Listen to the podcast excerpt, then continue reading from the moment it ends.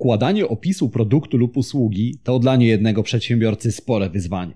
Ale ułożenie opisu, który dodatkowo zwróci uwagę Twojego klienta i pomoże sprzedać produkt, to już niemal mission impossible. Tak nie musi być. W tym podcaście pokażę Ci, jak przygotować opis produktu, który otworzy portfele Twoich klientów.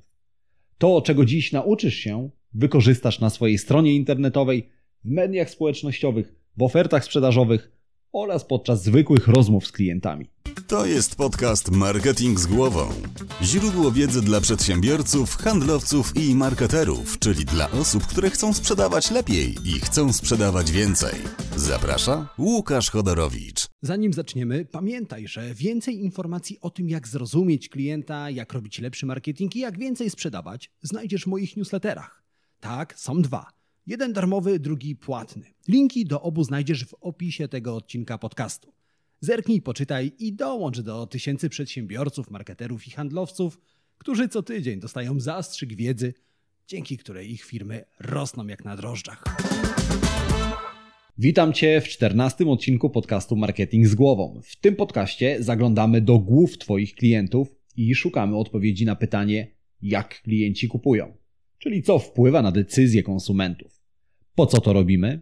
Niezmiennie po to, żebyś mógł robić jeszcze lepszy marketing i żeby Twoje produkty same wskakiwały klientom do koszyka. To jest podcast dla wszystkich marketerów, przedsiębiorców oraz dla handlowców, czyli dla osób takich jak Ty, które chcą sprzedawać lepiej i chcą sprzedawać więcej. Ja nazywam się Łukasz Chodorowicz i na co dzień pomagam firmom osiągnąć sukces, tworząc skuteczny marketing. Wiedzę, którą dzielę się z Tobą, czerpię z badań na temat ekonomii behawioralnej, neuropsychologii oraz dziesięcioletniego doświadczenia w pracy z firmami takimi jak Twoja. Zaczynajmy! Zanim nauczymy się układać dobre opisy produktów, musimy zrozumieć, czego chce klient. Pytanie może wydać Ci się banalne, ale zaraz odkryjesz, że takie nie jest. Zastanówmy się przez chwilę, po co ludzie chodzą do Starbucksa. Pierwsza myśl, która przychodzi do głowy, czyli kawa, jest błędna. Kawę to można kupić gdziekolwiek, a najlepiej wypić ją w domu. Do Starbucksa chodzi się po to, żeby lepiej się poczuć, odprężyć i posłuchać komplementów od baristy. Najstarsze marketingowe przysłowie mówi, że klient nie chce kupić młotka, on chce wbić gwóźdź. Ale jak się nad tym tak głębiej zastanowić, to on tak naprawdę nie chce wbić gwoździa, tylko chce zawiesić półkę. No ale tak naprawdę nie chodzi mu o tą półkę, tylko o to, żeby na półce mógł postawić książki. Ale tak ostatecznie to nawet nie chodzi o te książki. Chodzi o to, żeby ludzie, którzy przychodzą do niego do domu, widzieli, że on czyta i że jest intelektualistą. Gdybyśmy taką analizę wykonali dla każdego produktu i usługi, to okazałoby się, że tak naprawdę kupujemy, aby zaspokoić jedną z pięciu podstawowych potrzeb. Potrzebę fizjologiczną, kupuję chleb, żeby nie umrzeć z głodu. Potrzebę bezpieczeństwa, opłacam czynsz, żeby mieć dach nad głową. Potrzebę przynależności, kupuję wycieczkę do Hiszpanii, bo lecą wszyscy moi znajomi. Potrzebę szacunku i uznania, płacę za kurs online, bo nowa wiedza da mi szansę na awans w pracy. Oraz potrzebę samorealizacji. Te same kursy online kupuję również, bo to inwestycja w moje własne kompetencje. Jak widzisz, jeden produkt może zaspokajać więcej niż jedną potrzebę, a te potrzeby często są nieuświadomione. A to oznacza, że klienci tak naprawdę nie wiedzą, jaką potrzebę zaspokajają przez zakup.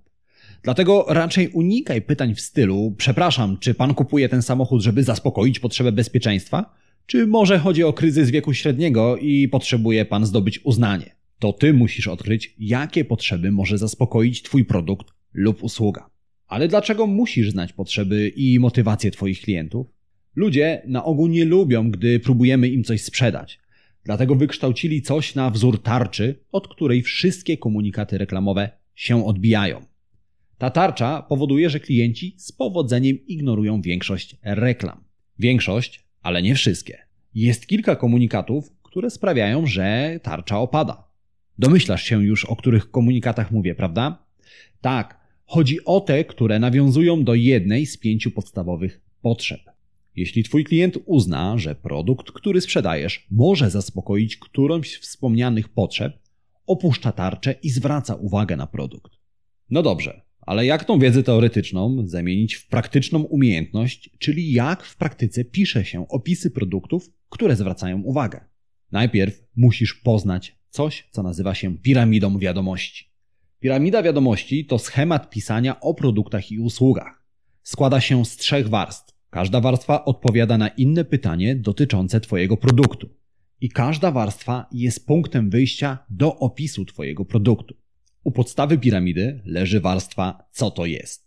Ta warstwa określa rdzeń Twojego produktu, podstawową funkcjonalność.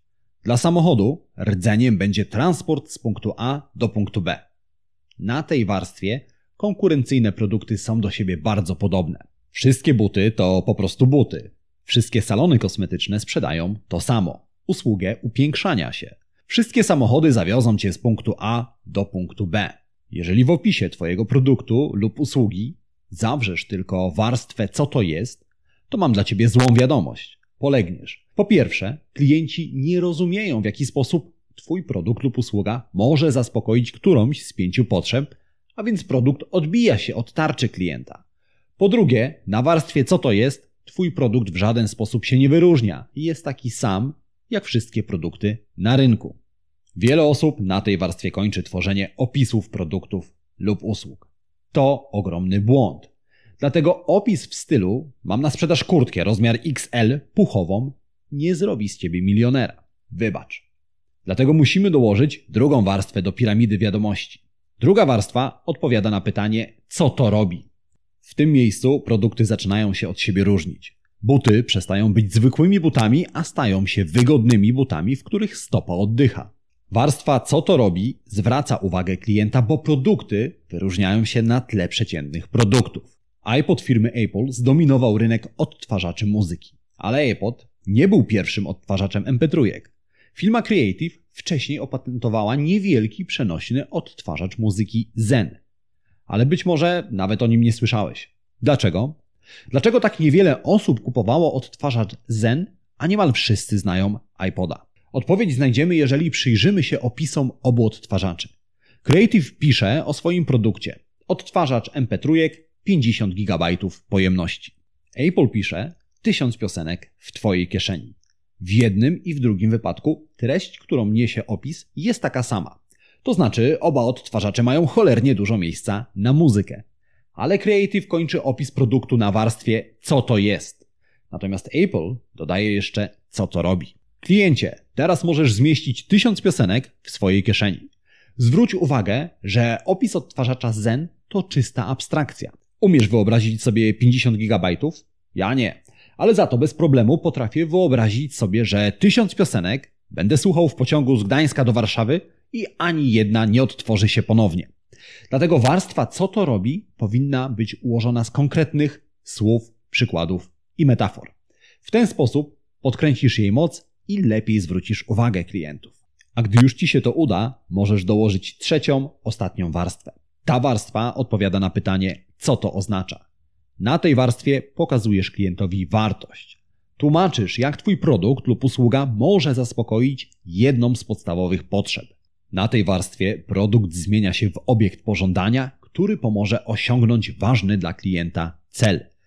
Na tej warstwie wygodne buty, w których noga oddycha, stają się butami, dzięki którym klient szybciej przebiegnie maraton i zdobędzie uznanie. Na tej warstwie tabletki przeciwbólowe likwidują ból głowy i pozwalają spędzić więcej czasu z przyjaciółmi. Na tej warstwie pokazujesz klientowi, jak Twój produkt zmieni jego życie. Malujesz słowami kontrast między smutną rzeczywistością a wspaniałą przyszłością.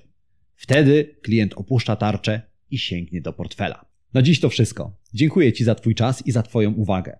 A teraz czas na trzy rzeczy, które warto zapamiętać, jeśli chcesz tworzyć lepsze opisy produktów i usług. Po pierwsze, pamiętaj, że klient tak naprawdę nie chce kupić młotka ani nie chce wbić gwoździa. Prawdziwa potrzeba zazwyczaj leży znacznie, znacznie głębiej.